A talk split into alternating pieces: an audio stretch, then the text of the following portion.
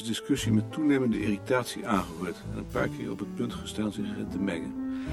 Het idee alleen al dat hij gedwongen zou worden om bouwmaterialen en technieken uit vijf of zes eeuwen op één kaart samen te persen, alsof het een stapel pannenkoeken was, vond hij zo stom dat hij struikelde over zijn gedachten en steeds meer gefixeerd raakte op de behoefte in te grijpen. Na deze laatste opmerking van Horvatic kon hij zich niet langer beheersen. Stak zijn hand omhoog nog voor hij besloten had wat hij zou gaan zeggen. Herr Koning, meines Erachtens ist das keine reine technische Frage. Solche Probleme ergeben sich, wenn man versucht, alle historische Daten auf eine Karte zu bringen. Sie werden gelöst, wenn man eine Karte zeichnet vom Neubau an einem bestimmten Zeitpunkt. Denn an einem bestimmten Zeitpunkt ergibt sich fast immer nur ein Verfahren als Antwort, so wenigstens in meinem Lande. Die Fragen, womit wir uns beschäftigen, sind historische Fragen. Man kann sie nicht lösen mit einer Karte, sondern mit einer Reihe von Karten. Und das ist keine technische, sondern eine prinzipielle Frage. Und welchen Zeitpunkt würden Sie dann wählen? Und 1850 und 1750 und 1700 und so weiter. So hatte ich es auch verstanden, Herr Koning. Dann schließe ich hierbei die Diskussion. Wir müssen leider diesen Raum freimachen für das Mittagessen. Wir sehen uns hier wieder nach einer halben Stunde. Ich danke Sie alle für Ihre Beiträge. Bitte setzen Sie sich zu uns, Herr Koning, wenn Sie wollen. Gerne. Sie kennen meine Frau? Koning. Ich habe viel von Ihnen gehört. Nein. Doch. Meine Frau leidet eben mit. Sie waren heute Morgen auch bei den Vorlesungen. Nein, ich bin mit Herrn Bailey nach Budapest gefahren. Herr Bailey musste seinen Koffer vom Flughafen abholen, weil er vorgestern von British Airways nach Bukarest transportiert worden war. Ich habe das Museum besucht. Es gibt da auch viele holländische und flämische Maler. Sehr schön. Aus der Zeit der Hamburger.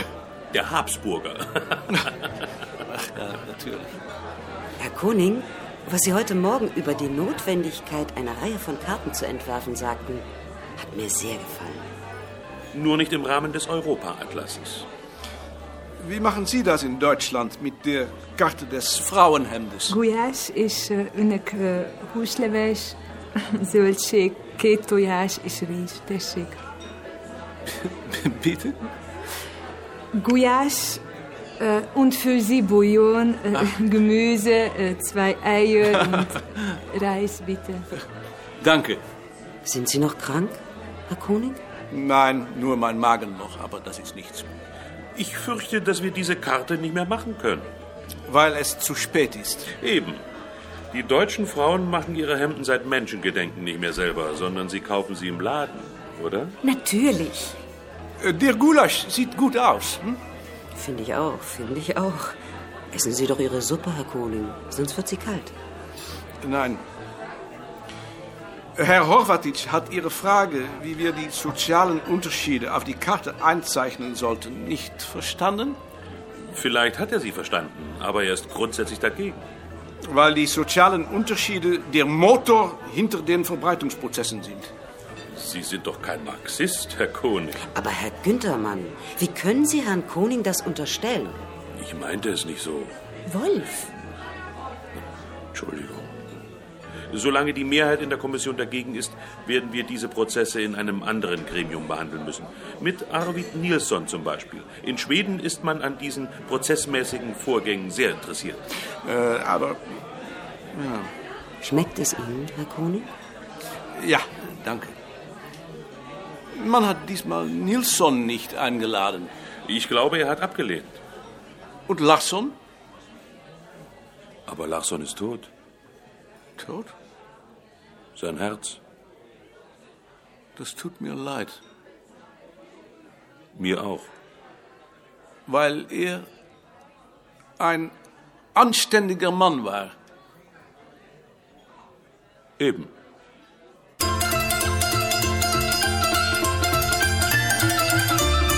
Zee, darf ik? Bitte. Merci. Ik kom weer eens naast u zitten, Maarten. Eigenlijk moet jij in het midden zitten. Herr Nelissen sollte sich in die Mitte setzen, oder? Sie brauchen das für mich nicht zu übersetzen. Ich äh, verstehe Niederländisch, maar praten kan ik dit niet. Het is toch ook Benelux met Nederland in het midden? Ich eröffne die Diskussion über das Thema Speisefette. Wen darf ich? Herr Koning. Ich möchte nochmal zurückkommen auf das Problem der sozialen Schichtung, worüber wir heute Morgen kurz gesprochen haben, als wir über die Hauswände diskutierten. Bitte, Weil wir da meines Erachtens bei den Speisefetten nicht umhin können.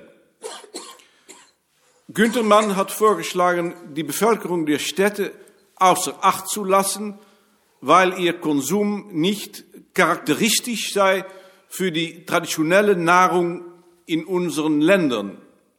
Man kann darüber streiten, aber es ist ein praktischer Vorschlag. Ähm, jedoch auch unter der ländlichen Bevölkerung gibt es beträchtliche Unterschiede.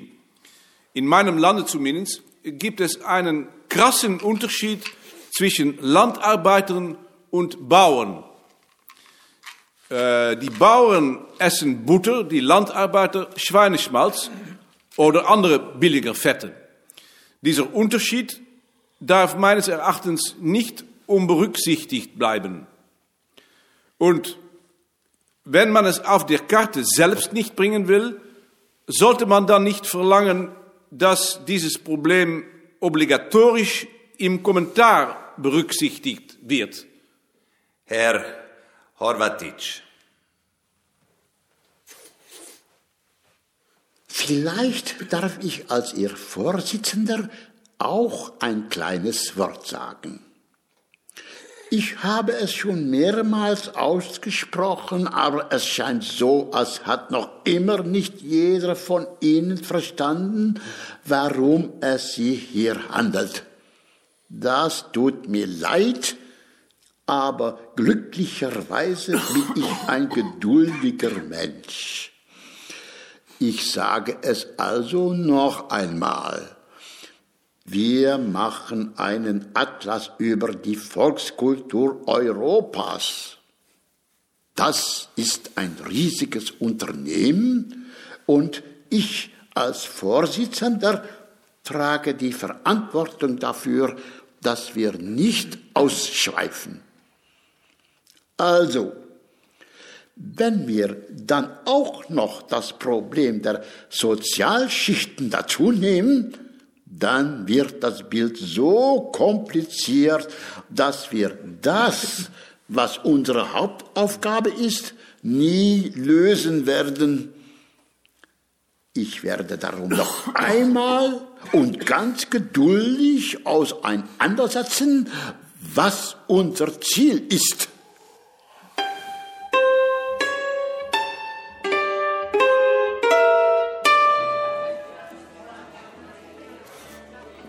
Iedere poging tot discussie wordt de kop ingedrukt. Van een voorzitter mag je toch verwachten dat hij elk standpunt tot zijn recht laat komen. Niet dat het wordt afgekapt als het hem niet zint. Dan moet je gewoon doorzetten. Ja, en dan zegt de voorzitter dat de zaal ontruimd moet worden. Voor het middagmaal. Nou, mij zien ze hier niet meer. Als het zo moet, kan ik beter thuis blijven. Professor Seiner wäre damals nach dem Tode Sirgotsons eine bessere Wahl gewesen. Die Leute vom Ostblock hätten nie ein Deutscher als Vorsitzender akzeptiert. Ein Jugoslaw war das einzig mögliche Kompromiss. Und da gab's nur Professor Horvatic. Ach so, höhere Politik. Maar jullie kunnen er wel op aandringen dat het bestuur verjongd wordt. Met Kunterman. Bijvoorbeeld. Of met jou. Nee. Maar ik zal er langzamerhand toch eens uit moeten gaan. Daar zitten we niet op te wachten.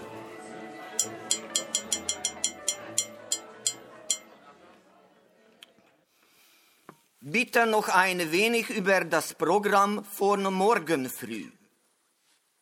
Das Frühstück wird um eine Stunde verfrüht werden, weil der Autobus pünktlich um 8 Uhr wegfahren wird. Wir werden dann am Westufer der Donau entlang in der Kleinstadt Szentendre fahren, eine wichtige Handelsstadt auf dem 15. Jahrhundert und später auch Bischofssitz für eine kurze Stadtbesichtigung, die ungefähr eine Viertelstunde beschlagnahmen wird. Nachher fahren wir ins Freilichtmuseum, ganz in der Nähe, ebenfalls für einen kurzen Besuch und dann über die Brücke auf die Donauinsel, wo Sie sich die Wohnhäuser und Scheunen ansehen können. Die Einwohner wissen von ihrem Besuch. Sie haben ihre Häuser offengestellt, damit sie sehen können, wie sie leben und sich auch bereit, ihre Fragen zu beantworten. Bitte sehen Sie das einen Beweis für die ungarische Gastfreiheit und unsere Freude darüber, dass Sie unter uns sind. Danke.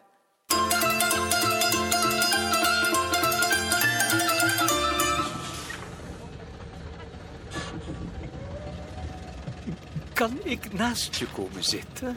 Natuurlijk. Ik heb met Jan Nelissen een gesprek onder vier ogen over ons tijdschrift gehad. Hij zou het toch wel heel erg betreuren als het tot een breuk kwam. Oh, Dat moeten we ook kosten wat kost zien te vermijden. dat hangt dan toch van Pieters af. Maar ook van ons. Heb jij er al met hem over gesproken? Nee, Omdat je met hem op één kamer ligt? dat is nog geen reden om over ons, ons tijdschrift te spreken. Je bent toch een eigenaardige jongen.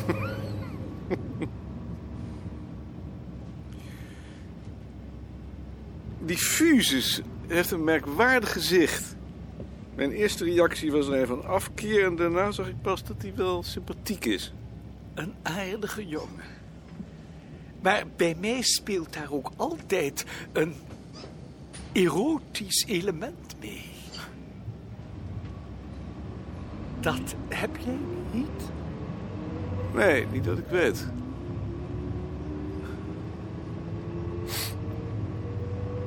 Herr Güntermann, Ja, Herr Koning. würden Sie es akzeptieren, falls ich vorschlage, um Sie, Nilsson, Klastrup und die Slovacevichova dem Vorstand zuzufügen? Ja, ich würde das nicht ablehnen. Waarom Nilsson? Omdat Nilsson de man is van de verspreidingsprocessen. Maar Nilsson en Horvatic, dat is water en vuur. Daarom. Bitte, in einer Viertelstunde fahren wir weiter.